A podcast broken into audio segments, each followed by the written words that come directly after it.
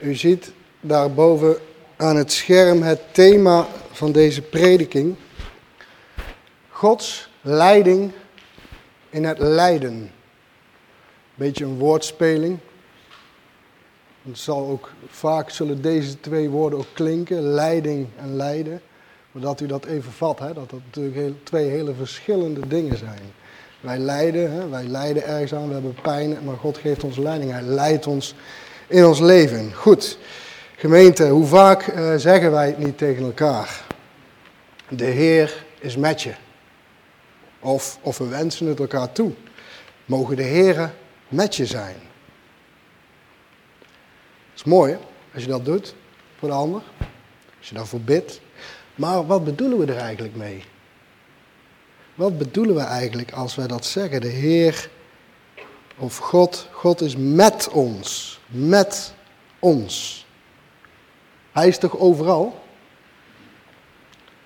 En dan is hij in feite toch bij iedereen? Ja, in zekere zin wel.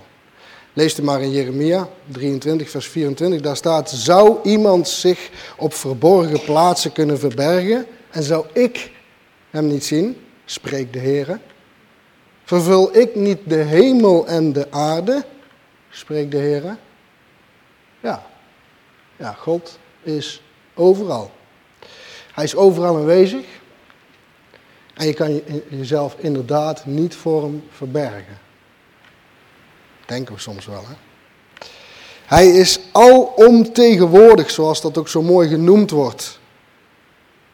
Maar dat is toch niet wat wij bedoelen, als we zeggen God is met ons. De Heer is met ons. Nee, nee, dan bedoelen we toch wat anders. Want ondanks Gods alomtegenwoordigheid is er toch nog een andere manier, een andere manier waarop God met ons kan en wil zijn. En dat is niet zomaar een aanwezigheid, maar dat is een hele betrokken aanwezigheid. Je zou het zo kunnen zeggen, dan staat God jou als het ware bij in alles wat je doet. Hij ziet naar je om en hij leidt je. Kent u dat? Ken je dat? Dat, dat de Heer op zo'n manier bij je is? Dat je weet, de Heer staat aan mijn zijde. Alle wonder, als je dat mag geloven. Alle genade van God. Maar wat betekent dat dan voor ons leven? Wat betekent het dat Hij naar ons omziet en dat Hij ons leidt? Nou, daar kan je nog wel eens een verkeerd beeld van hebben. U zegt misschien, nou, dat betekent dat God ervoor zal zorgen dat het goed met ons gaat. Hij heeft toch het beste met ons voor?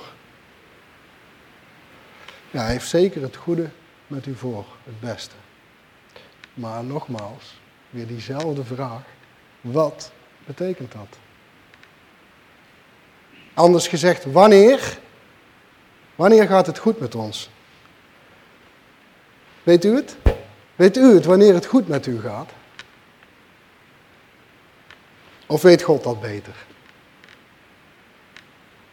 Denk er eens over na. Wie weet dat nu het beste? Wanneer het goed met ons gaat. Nou, hoe zou dat voor Jozef zijn geweest? Wij hebben gehoord over Jozef. Een van de twaalf zonen van Jacob. Jozef werd verkocht door zijn eigen broers voor twintig zilverstukken. Verkocht als een slaaf op 17-jarige leeftijd.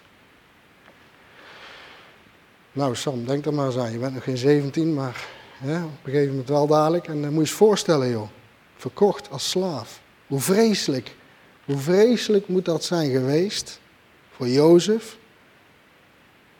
Om zo, voor zo'n jonge kerel om zo door zijn eigen broers verkocht te worden.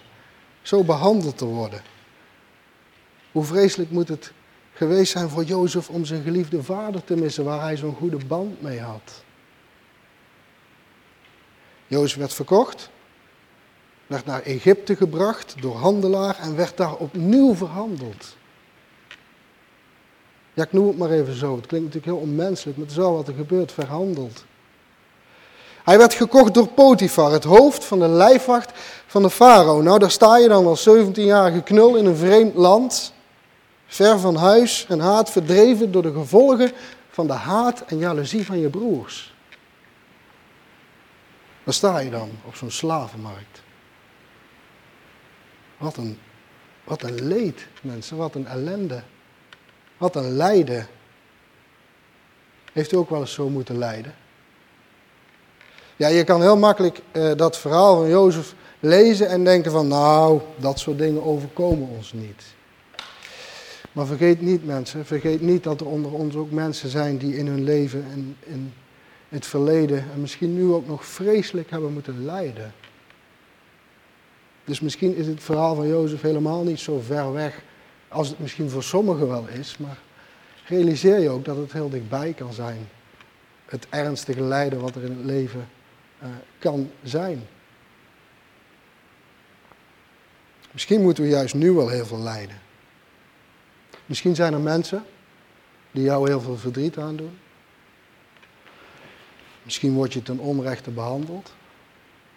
Op je werk, of op school, of door je familie. Misschien ben je ziek. Heb je pijn. Heel veel pijn. Misschien zijn er heel veel zorgen in je leven.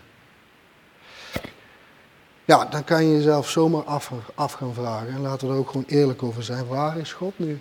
Waar is God nu in mijn lijden? Is Gods hand nog wel aanwezig in mijn leven? Of heeft Hij mij misschien losgelaten? Als we naar Jozef kijken, dan zouden we inderdaad bijna willen zeggen dat Jozef van God verlaten was nu dit zo allemaal gebeurt. Maar niets is minder waar. Want wat lezen wij aan het begin van Genesis 39? Jozef was dus naar Egypte gebracht. Potifar, hoveling van de farao, het hoofd van de lijfwacht, een Egyptische man, kocht hem uit de hand van de Ismaëlieten, die hem daarheen gebracht hadden. Nou, dan denk je, jongen, jongen, wat een verhaal, wat een ellende. Maar wat staat er dan? En dit is belangrijk. Wat staat er dan? In vers 2. De Heere was met Jozef. De Heere was met Jozef. Zodat hij een voorspoedig man was en hij bleef in het huis van zijn heer de Egyptenaar. De Heere was met Jozef. Weet u wat er staat in het Hebreeuws? Daar staat niet Elohim was met Jozef. Daar staat ook niet Adonai was met Jozef. Nee, daar staat Yahweh was met Jozef. Yahweh. Dat is de verbondsnaam van God. En als dat er staat, dan hebben we het over de persoonlijke God. Dat is de God waarvan je op aan kunt. In al je nood en al je lijden. Ja, en toch, hoe menselijk we ook zijn, dan vragen we onszelf misschien wel af, als de Heer met Jozef is, waarom moest Jozef dan toch lijden? Hoe kon de Heer nu met Jozef zijn en dit allemaal laten gebeuren? Als er staat, de, vers 2, dat de Heer met Jozef is, dan gaat het daarna in één keer allemaal goed. Was Jozef dan niet, of sorry, was God dan niet bij Jozef toen hij verkocht werd? Of toen hij Misschien kent u het verhaal, in die put gegooid werd van tevoren.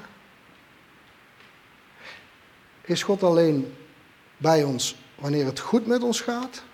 Soms? Is, is ons welzijn, is dat een teken van Gods aanwezigheid in ons leven?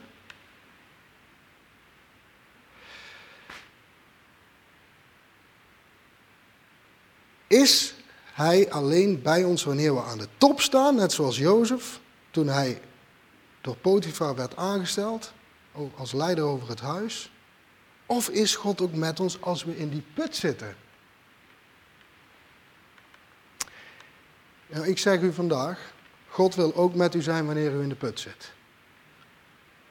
Hij is bij ons in onze goede tijden en in onze slechte tijden. Hij is met ons in onze vreugde, maar ook in ons lijden. Nou, als we kijken naar dat leven van Jozef, dan zien we dat er nogal wat ups en downs zijn hè, in dat leven. Bergen en dalen. Allereerst, en als u het verhaal niet kent, dan raad ik u toch aan als u vanmiddag daar tijd voor heeft. Nou, misschien moet u daar ook maar even tijd voor maken dan. Dat u dat verhaal van Jozef nog eens even naleest. Er zijn best wel wat hoofdstukken. Maar ehm, ja, dan kan je een beetje het, uh, het grote verhaal daarin zien ook. Ups en downs in het leven van Jozef. Allereerst zien we dat hij een voorkeursbehandeling krijgt. Bij zijn vader Jacob. Jozef, Jacob had Jozef meer lief dan alle andere zonen. Is dat zo mooi eigenlijk? Een vader die één zoon meer lief heeft dan de ander? Daar kan je ook nog eens over nadenken, of dat wel zo mooi is. Hij kreeg van zijn vader een prachtige jas met vele kleuren, speciaal voor hem gemaakt. Nou, daaraan kon je wel zien hoe lief Jacob Jozef had. Nou, dan zijn er die broers. Haat, jaloezie. Ja, dan kunnen we heel snel zeggen, hé hey broers, dat is niet zo mooi. Het is, is ook niet mooi. Ja, Jozef die zo door zijn vader behandeld wordt en, en de broers die toch anders behandeld worden, is ook niet zo mooi, toch? Het is niet alleen die voorkeursbehandeling die Jacob aan Jozef geeft, maar het zijn ook de dromen van Jozef. Die dromen die Jozef heeft en die aan zijn broers vertelt, die dromen die lijken te voorspellen dat er een dag komt dat zijn broers zich voor Jozef zullen buigen. Daardoor wordt die haat en die jaloezie nog groter. Nou, wat doen ze dan?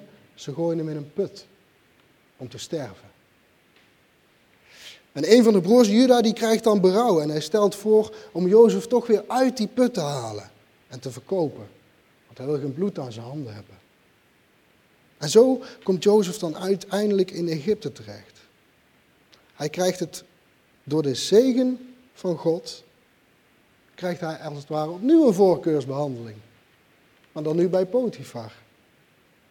En zo ging Jezus, of eh, sorry, zo ging Jozef van, van de top naar een diep dal en vanuit het dal bereikt hij, doordat God met hem is, opnieuw de top. Nou ja, de top, is dat een top? Uh, een voorkeursbehandeling als slaaf? Kan je ook nog wel over nadenken. Is dat nou wel een top? Nou, betekent dat dan dat, dat het van nu af aan alleen maar goed zal gaan met Jozef? Er staat, de Heer was met Jozef. Mogen we dan verwachten dat het van nu af aan allemaal goed gaat met Jozef? Nee, want waar hebben wij over gelezen? We hebben gelezen over een verleiding die er kwam in het leven van Jozef. De vrouw van Potifar, die hem verleidt. Dan is er die list. Jozef wordt bedrogen en hij belandt in de gevangenis. Nee.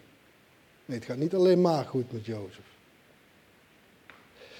Maar ook daar in die gevangenis is de Heere God met Jozef. Het staat er ook op precies dezelfde manier. Hè? De Heere was met Jozef.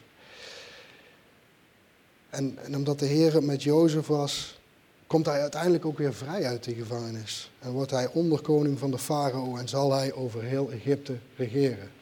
Terug naar de top. Ups en downs in het leven van Jozef. Nou, misschien klinkt het wel heel herkenbaar voor jou of voor u. Hoe vaak gaat het ook niet bij ons zo, hè? Je zat in een put. Je leerde God kennen. En alles ging vanaf toen beter. En dan gebeuren er toch weer ineens allerlei dingen, waardoor je weer in een dal terechtkomt. Had je niet verwacht, toch? Had je niet verwacht. Dat is wel gebeurd. Hoe kan dat nou? Hoe kan dat nou? Waarom? De Heer heeft toch het beste met me voor. Hoe gaan we daarmee om? Nou, als we aan de top staan, dan zeggen we vaak: Oh, wat heeft de Heer mij gezegend? Ik ben hem zo dankbaar. Maar in de dalen van ons leven zeggen we misschien wel: Waarom, Heer?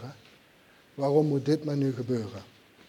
Is dat wel goed wat er nu gebeurt? Klopt het wel? Als God rechtvaardig is, waarom nu dit? Een hele menselijke vraag, toch? Ja, inderdaad. Precies zoals ik het zeg. Een hele menselijke vraag met een nadruk op menselijk. Er staat niet voor niets in Jezaja 55 vers 8 dat onze wegen niet Gods wegen zijn. Zo vaak denken wij de juiste weg te weten. Maar dan heeft God toch een andere weg.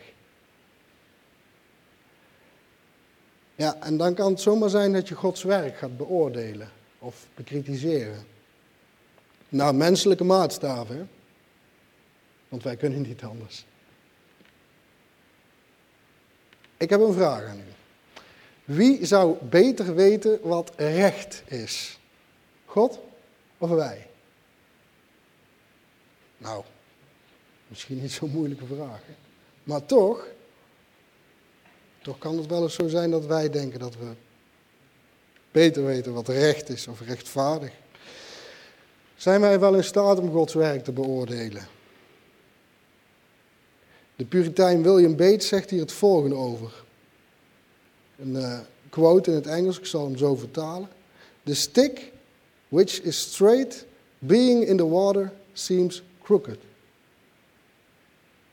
De stok die recht is, lijkt scheef in het water. De stok die recht is, lijkt scheef in het water. Toen ik dit hoorde, toen moest ik denken aan dat ik vroeger met wat vrienden ging vissen. Dan had je zo'n vis gevangen en hij was eigenlijk te groot om met de hengel op te halen. Dan had je een netje bij en dan stak je dat net in het water. En wat zie je dan? Dan zie je dat die stok van dat, van dat, waar dat netje aan vast zit, dat die in één keer scheef lijkt. Dat er een knik, een knik in de stok zit. Dat komt door de breking van het licht. Dan lijkt het dus net alsof die stok scheef is. Ons beeld wordt vervormd, vervormd. Het is zelfs zo dat als je een vis ziet zwemmen in het water, waar jij die vis ziet, daar zwemt hij niet. Hij zwemt eigenlijk net iets, vaak iets lager, want hij komt eigenlijk door de breking van het licht, komt hij dichter aan het oppervlakte te liggen. Mensen die aan speervissen doen, die weten dat. Hè? Die gooien hun speer net iets ernaast. En dan hebben ze hem raak. Want die weten dat er een vervorming zit in dat water. Nou, waarom zeg ik dat? Zo, zo is het ook als wij naar het werk van God kijken. Wij zien iets en we denken daar een oordeel over te kunnen zeggen, zo is het. Maar vaak is het anders. Wij zijn niet in staat om de dingen te beoordelen zoals ze werkelijk zijn. Die God in ons leven doet. De stok die recht is, lijkt inderdaad scheef in het water. Het werk van God, wat recht is, kan voor ons inderdaad soms anders eruit zien.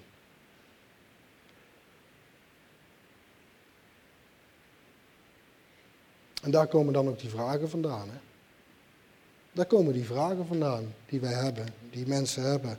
Heren, waarom moet dit nou nu overkomen? Of als je het evangelie met mensen deelt, hoe vaak hoor je dan niet dat gezegd wordt, hoe kan God nu een goede God zijn, terwijl er zoveel leed is in deze wereld? Nou, dat heeft alles te maken met, dat, met de mens die denkt te kunnen beoordelen of wat God aan het doen is deze wereld, of dat nou goed of slecht is. Allemaal van die vragen, menselijke vragen. En hoe komt dat? Ja, het is gewoon vertroebeld. Hoe wij, naar Gods werk kijken, dat, is, dat geeft een vertroebeld beeld. En, en, wij zien niet recht. Het is inderdaad, zoals de apostel Paulus zegt in de Korinthebrief, de eerste Korinthebrief, hoofdstuk 13, vers 12. Nu immers kijken wij door middel van een spiegel in een raadsel. Maar dan, dat is niet nu, dan zullen wij zien van aangezicht tot aangezicht. Nu ken ik ten dele. Wij zien nu niet alles. Nu ken ik ten dele, maar dan, straks, zal ik kennen zoals ik zelf gekend ben. Wij kunnen Gods werk niet beoordelen. Probeer het niet, ga het niet doen, want u gaat er mist in. Zijn wegen zijn ondoorgrondelijk. De Romeinenbrief zegt, onnaspeurlijk zijn zijn wegen, want wie heeft de gedachten van de Heer gekend? Wie is zijn raadsman geweest? Nou, hoe gaat het dan bij Jozef? Inderdaad, hij wordt verleid, bedrogen met een list, hij belandt in de gevangenis, terwijl de Heer met hem was. Hè? De Heer was met hem en toch gebeurt dit. Maar kijk eens wat Jozef doet als hij verleid wordt. Dat moeten we niet overslaan vandaag. We weten dat God met hem was, maar dan zien we daar opeens ook een wisselwerking. Een wisselwerking. Want Jozef had natuurlijk heel makkelijk in de verleiding mee kunnen gaan. En overspel kunnen plegen. met de vrouw van Potifar. Het is helemaal niet vanzelfsprekend hè, dat Jozef, die door de Heer bijgestaan wordt, deze verleiding weerstaat. Dat is niet vanzelfsprekend. Kijk maar naar David. Was de Heer niet met David ook? Nadat de profeet Samuel hem gezalfd heeft, zo staat het er dan, werd de geest van God vaardig over David vanaf die dag en voortaan. En toch zien we dat koning David ook een verleiding krijgt in zijn leven, maar hij weerstaat hem niet. Hij pleegde overspel met Bathsheba. Ziet u, het is niet vanzelfsprekend dat wanneer de Heer met je is, dat je dan ook per definitie de juiste keuzes maakt in je leven. Ja, en dan kan het zomaar zijn dat je door jouw eigen verkeerde keuzes moet lijden in je leven. En dan moet je goed begrijpen dat niet al ons lijden lijden om Christus wil is. Kan je wel de fout mee ingaan. Hè? Misschien ligt het soms wat, is het soms wat moeilijk om het te duiden. Van is dit nou lijden om Christus wil? Is dit lijden door mijn eigen zonde? Maar het kan zomaar gebeuren dat je zegt ik lijd om Christus wil. Maar dat het eigenlijk gewoon een gevolg is van je eigen verkeerde keuzes. Een gevolg van je eigen zonde. Maar goed, Jozef verstaat, weerstaat hier de verleiding. Hij wordt verleid. Maar als hij het nou gedaan had, had toch niemand geweten? Had toch niemand geweten? Alleen hij en de vrouw van Potifar. Maar zo denkt Jozef niet. Jozef denkt zo niet. Hij denkt niet alleen horizontaal, hij denkt voornamelijk verticaal. En dat zie je ook terug als je vers 9 leest. Dan zie je heel duidelijk hoe Jozef daarin staat. Want dat zegt hij dan tegen die vrouw van Potifar. Niemand heeft meer aanzien in dit huis dan ik. En hij, Potifar, heeft mij niets onthouden dan alleen u. Omdat u zijn vrouw bent. Hoe zou ik dan, hoe zou ik dan dit grote kwaad kunnen doen en zondigen tegen, niet Potifar, nee, zondigen tegen God. Jozef wordt verleid en wat denkt hij aan? Als ik dit doe, dan zondig ik tegen God in de eerste plaats. Jozef beseft dat het een groot kwaad zou zijn. Niet alleen tegen Potifar, maar vooral een zonde tegen God. En dat is mooi en belangrijk, want als de Heere God met jou is, dan verwacht Hij ook een gehoorzaamheid aan Hem. De verbondsgod Jaweh wil trouw zijn aan u. Bent u ook trouw aan hem? Jozef is gehoorzaam aan God en toch die gevangenis. Weliswaar zegent God Jozef daar in die gevangenis, want hij krijgt ook daar weer een voorkeursbehandeling. Gebeuren wel wat wonderen ook hè, in Jozefs leven. Ook daar krijgt hij weer zo'n vooraanstaande positie. Maar vergeet niet, dat kan allemaal heel mooi klinken, maar je bent wel gevangen. Hè? Voorkeurspositie, maar wel achter tralies. Wel gevangen.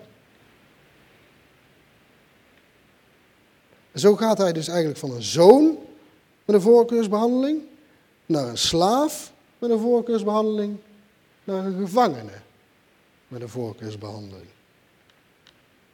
Wat zegt dat? Dat zegt dat je heer, de Heer jou kan zegenen terwijl je moet lijden.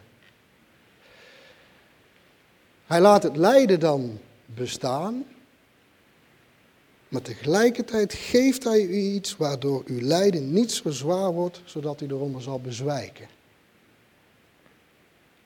Nou wil ik vandaag toch tegen u zeggen, als u nog in een welvaartsevangelie gelooft, ik zou zeggen weg ermee. Want hier ziet u hoe God handelt. God geeft leiding in het lijden, maar dat betekent niet dat hij al uw lijden in dit leven weg zal nemen. Dat is niet naar het woord van God. U zegt ja, maar later zal Jozef onderkoning worden van de farao en, en, en leiding over heel Egypte krijgen, heersen. Ja, dat klopt. Dat is ook niet vanzelfsprekend, er zat een plan achter. Daar kom ik zo op terug. Het was niet zozeer om Jozef te zegenen, het had een hoger Hoger doel. Nee, ik kan het niet anders vertellen vandaag aan u. God verlost u niet uit al uw lijden in dit leven. Dat is niet vanzelfsprekend. Als je dat wel gelooft, dan kan ik alleen maar zeggen, dat kan een behoorlijke teleurstelling worden. We moeten niet vergeten dat het wel kan. Als God het wil, doet hij het. Wat God wil, doet hij. Als u bidt om genezing, dan kan God dat doen. Maar geef het er niet op een bestelbriefje. Het is Gods wil, niet uw wil, niet onze wil. U zegt ja, maar dat is het Oude Testament. Nu leven we in een ander tijdperk, een tijdperk van genade. Nee, God is niet veranderd hoor. God is steeds dezelfde. Kijk maar naar de apostel Paulus. Wat was er aan de hand met de apostel Paulus? Hij moest lijden. We weten niet wat het lijden is, kan je heel veel over uh, uh, discussiëren. Weten we niet. Daar gaat het ook niet om, hij moest lijden, daar gaat het wel om. Hij zegt, 2 Korinthe 12, mij is een doorn gegeven in het vlees. Hij noemt het een engel van de Satan, met een reden. Om mij met vuisten te slaan, met een reden, omdat ik, opdat ik mij niet zou verheffen. Ziet u? Paulus bidt dan driemaal of hij verlost mag worden van het lijden. Wat zegt God dan? Mijn genade is u genoeg. Ziet u? Mijn genade is u genoeg. Want mijn kracht wordt in zwakheid volbracht. Niet in een leven waar geen zwakte in te zien is. God is meer te zien in, in levens waar mensen zwakheid kennen dan in levens waar het alleen maar goed gaat. Mijn genade is voor u genoeg. En bij Paulus was het dus zo opdat hij zich niet zou verheffen. Het had ook een reden. Het had een reden. Het lijden had een doel. Het had een reden. Uw lijden kan dus ook een doel hebben. Uw lijden kan dus ook een doel hebben. Laat ik het nog eens even iets anders zeggen. Uw lijden kan dus ook een doel hebben. Weet u welk doel? Het lijden dat u nu moet doorstaan, of misschien doorstaan heeft. Welk doel dat, waar, wat, waar dat voor is? Vaak zien we het pas veel later. Hè? God weet het wel.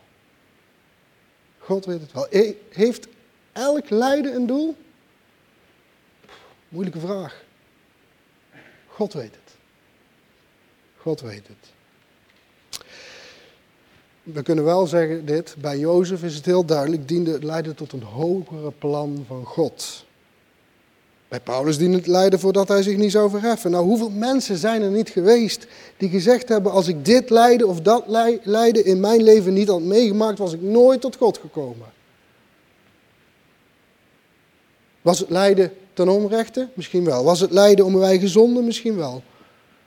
Maakt niet zo heel veel uit. God bedacht het ten goede. God deed er wat mee. Misschien dient uw lijden wel tot uw eigen zaligheid. Of misschien dient uw lijden wel daarvoor dat u dichter bij God zult gaan leven. Is uw, is uw lijden niet de roepstem van God aan u? Vlucht tot mij, dichterbij en dichterbij, ook al ben je misschien al christen. Want wat je nu, het lijden dat je nu meemaakt, Het leven zonder mij is een eeuwig lijden, zoals je nu meemaakt. Is het niet een roepstem van God? Misschien dient uw lijden wel tot uw eigen zaligheid. Nou, dat is wel moeilijk allemaal vandaag, hè? Ja, ik vond het ook heel moeilijk hoor, in de voorbereiding. Ik ga ook echt niet vertellen dat dit allemaal heel makkelijk te begrijpen is. Ik begrijp het ook niet allemaal. Dat ik ook eerlijk zeggen. Er kunnen ook zomaar nieuwe vragen ontstaan wanneer je hier allemaal over nadenkt. Je zou zich bijvoorbeeld zomaar af kunnen vragen, is God dan de veroorzaker van het lijden? Nou, dat kunnen we niet zeggen. Kunnen we niet zeggen. Mogen we ook niet zeggen. Gaan we niet doen. Wat we wel kunnen en moeten zeggen is dat God een soeverein God is. Voor degenen die niet weten wat dat betekent, dat betekent dat hij oppermachtig is. God is soeverein, dus hij is oppermachtig. Iemand die soeverein is in, in deze wereld als, als, als, uh, als land of zo, dat betekent dat je baas bent in eigen gebied. Baas over alles. Nou, wat betekent dat bij God? Wat is het gebied van God? Hemel en aarde. Alles. Alles wat er is, want Hij heeft alles geschapen. Er is geen macht boven Hem, waardoor Zijn macht ook maar enigszins beperkt zou kunnen worden. De soevereiniteit van God. Jonathan Edwards zegt het zo. De soevereiniteit van God is het absolute onafhankelijke recht dat hij bezit om over al zijn schepselen te beschikken naar zijn genoegen. Zoals hij het wil. Dat recht heeft hij. Want alles is van hem. Je bent van hem. Jongen. Wat een enge gedachte. Of niet? Zou je misschien denken. Dat kan een enge gedachte zijn, maar dat ligt dan wel aan je beeld van God. Het hangt er echt af wat voor beeld je van God hebt. Maar als je weet en als je gelooft dat alles wat Hij doet rechtvaardig is, dan is het een heerlijke gedachte dat Hij de basis over jou, over alles, dat Hij alles bestuurt en dat er geen macht boven Hem is die ook maar iets kan uitvoeren tegen Zijn wil. Wat een heerlijke gedachte als je mag geloven dat alles wat Hij doet recht is en rechtvaardig is. Dan mag je hoop uitputten en rust in vinden. En ik hoop dat u dat doet. Ik hoop dat u daar hoop uitput en rust in vindt. Dat Hij heerst over alle dingen. Alles wat Hij doet is goed. Lijkt misschien niet zo voor ons soms. Maar het ligt aan ons, het ligt niet aan Hem. Nee, Hij is niet de veroorzaker van het lijden. Dat zijn we soms zelf, soms door het toedoen van anderen, Soms is het de macht van de Satan die niets liever, wil dan dat wij lijden. En het plan van God tegenwerken. Nou, hoe werkt het dan wel als God dan toch de leiding over alles heeft? Hoe heeft Hij dan de leiding over ons lijden? Kijkend naar het thema. Nou, ik heb eigenlijk een thema wat ik eigenlijk niet zo makkelijk uit kan leggen. Het is ook een soort mysterie. Heel voorzichtig zouden we er dit over kunnen zeggen dat als je moet lijden, en God laat het lijden bestaan, terwijl hij wel met je is, je bent wel een kind van God, dan houdt hij als het ware zijn genade in op dat gebied. Denk maar aan een vlieger waarmee je kan vieren. Hij viert met zijn genade. Dat wil ook zeggen dat hij dus eh, dat mag doen en kan doen. Hij is niet verplicht om alles te geven wat hij wat hij heeft. Het is genade bij God. En het zou geen genade zijn, dan zou het vanzelfsprekend zijn dat je alles van hem krijgt. Hij houdt zijn genade als het ware in, maar wel met een doel. Maar hij blijft hoe dan ook de regie houden. Hè? Hij blijft de regie houden. Hij blijft het touwtje vasthouden. Over elke situatie. Nou, terug naar het verhaal van Jozef. Dat hele verhaal van Jozef die naar Egypte moet, is ten diepste een verhaal over Gods soevereiniteit. En daarmee ook een verhaal over Gods leiding in het lijden. Daar in die gevangenis gebeurt iets waardoor Jozef later vrijkomt en door Farao aangesteld wordt als onderkoning van Egypte. Jozef mag met de hulp van God een droom uitleggen, die later waarheid wordt. En zo ziet die Farao, hé, hey, God is met hem. Ik geef hem gezag over heel Egypte. Er is maar één man hoger, is de farao, en dan komt Jozef. Nou, wat staat hier aan de top in één keer? Waarom moest dit nu allemaal gebeuren? God had een belofte gedaan aan Abraham. Uw nageslacht zal talrijk zijn. Als het stof van de aarde, u zult zich uitbreiden naar het westen, het oosten, het noorden en het zuiden. En in uw nageslacht zullen alle geslachten van de aardbodem gezegend worden. Dat speelt op de achtergrond. En die belofte werd doorgegeven aan, aan de zoon van Abraham, Isaac. En aan de zoon van Isaac, Jacob. En uit Juda, de zoon van Jacob, zou later. Eh, een van de twaalf zonen van Jacob zou later de Messias geboren, geboren worden. Dat speelt hier op de achtergrond in dit grote verhaal. Door hem zouden alle volken op deze aardbodem gezegend worden. God was in dit verhaal achter de schermen aan het werk aan zijn grote heilsplan. Zijn reddingsplan voor deze wereld. En daarom heb ik u ook nog een stukje laten lezen uit het boek Handelingen, want daar lezen wij waarom de Heer steeds met Jozef was en waarom hij hem uit al zijn verdrukkingen verloste. Als onderkoning van Egypte kon Jozef zijn vader en zijn broers en heel zijn familie naar Egypte halen. Terwijl er hongersnood was in Canaan. Door de leiding van God, de leiding die God gaf aan het lijden van Jozef, kon het volk waaruit de Messias geboren zou worden, gered worden van de hongersnood. Kan je heel dicht kijken, heel klein kijken naar het lijden van Jozef, maar wat gebeurt daar allemaal omheen? Waar is God intussen allemaal mee bezig? Is het niet zo dat daardoor Juda bleef leven? Jezus Christus was een van de nakomelingen van Juda. Ziet u wat God hier al die tijd aan het doen was? Hij was bezig met het redden van de wereld. En Jozef? Jozef die geeft ons in Genesis 50 vers 20 een klein inkijkje van hoe dat dan werkt. Als Jozef met zijn broers en zijn familie al een hele tijd in Egypte woont en hij moet sterven, zegt hij tegen zijn broers, jullie weliswaar, en dan moet je denken aan die put en dat verkopen van Jozef aan, aan, aan, als slaaf. Jullie weliswaar hebben kwaad tegen mij bedacht, maar God heeft dat ten goede bedacht. Om te doen zoals het op deze dag is, een groot volk in leven te houden. En dan zie je dat God leiding heeft in het lijden. Er gebeurt wat door menselijk toedoen, haat, uh, jaloezie van de broers van Jozef. Maar God gaat daar iets mee doen. God gaat daar iets mee doen. Tot zegen van heel de wereld. Zo zien we dat God, zo zien wij hoe God het leed dat Jozef heeft aangedaan tot een zegen laat zijn. Wat een God hebben wij, beste mensen.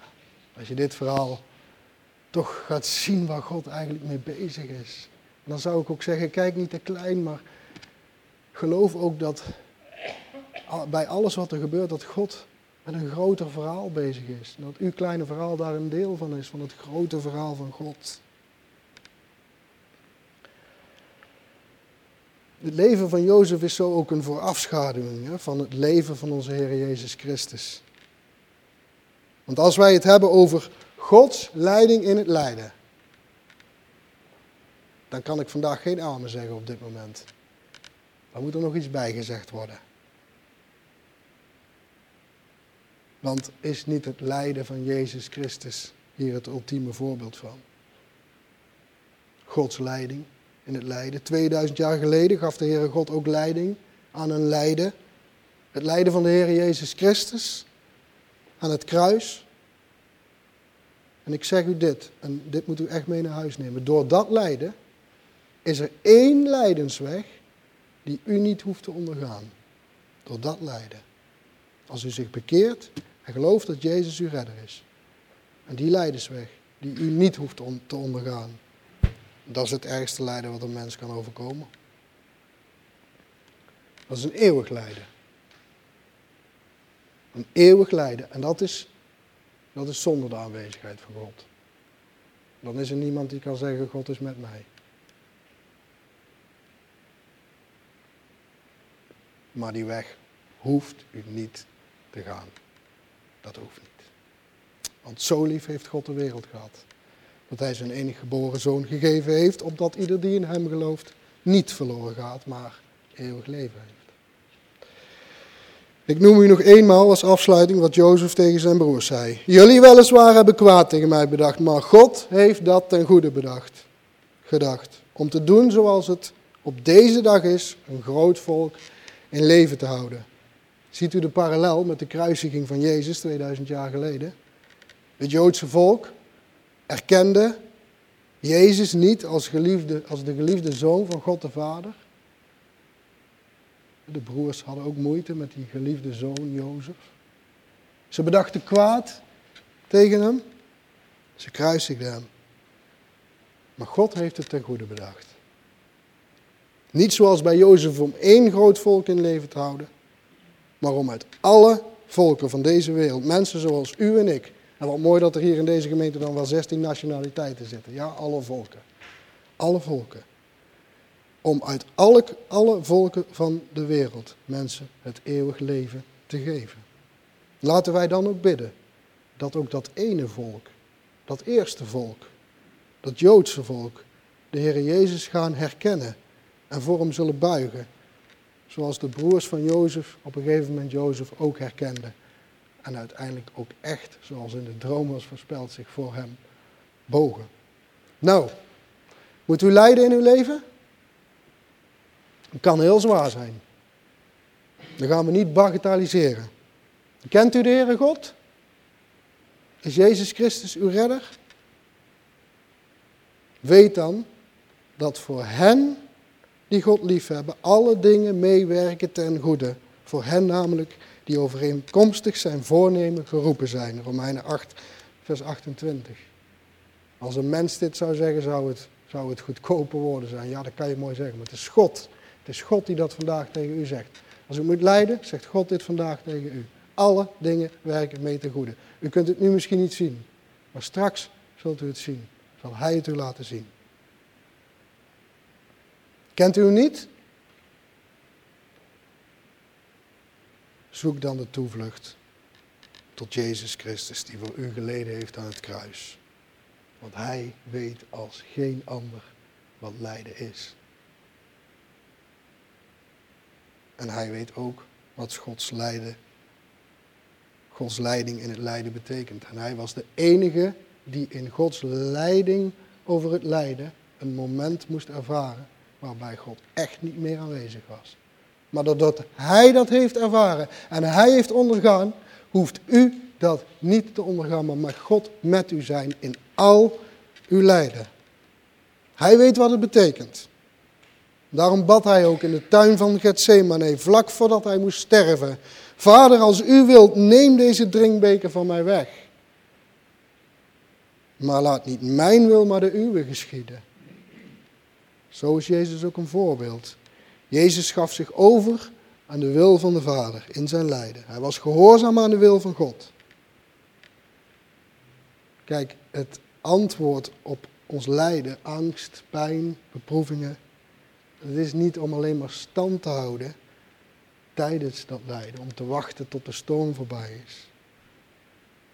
Maar veel meer om te onthouden dat op dat moment God de controle heeft. En dat alles wat hij doet uiteindelijk goed is. Amen.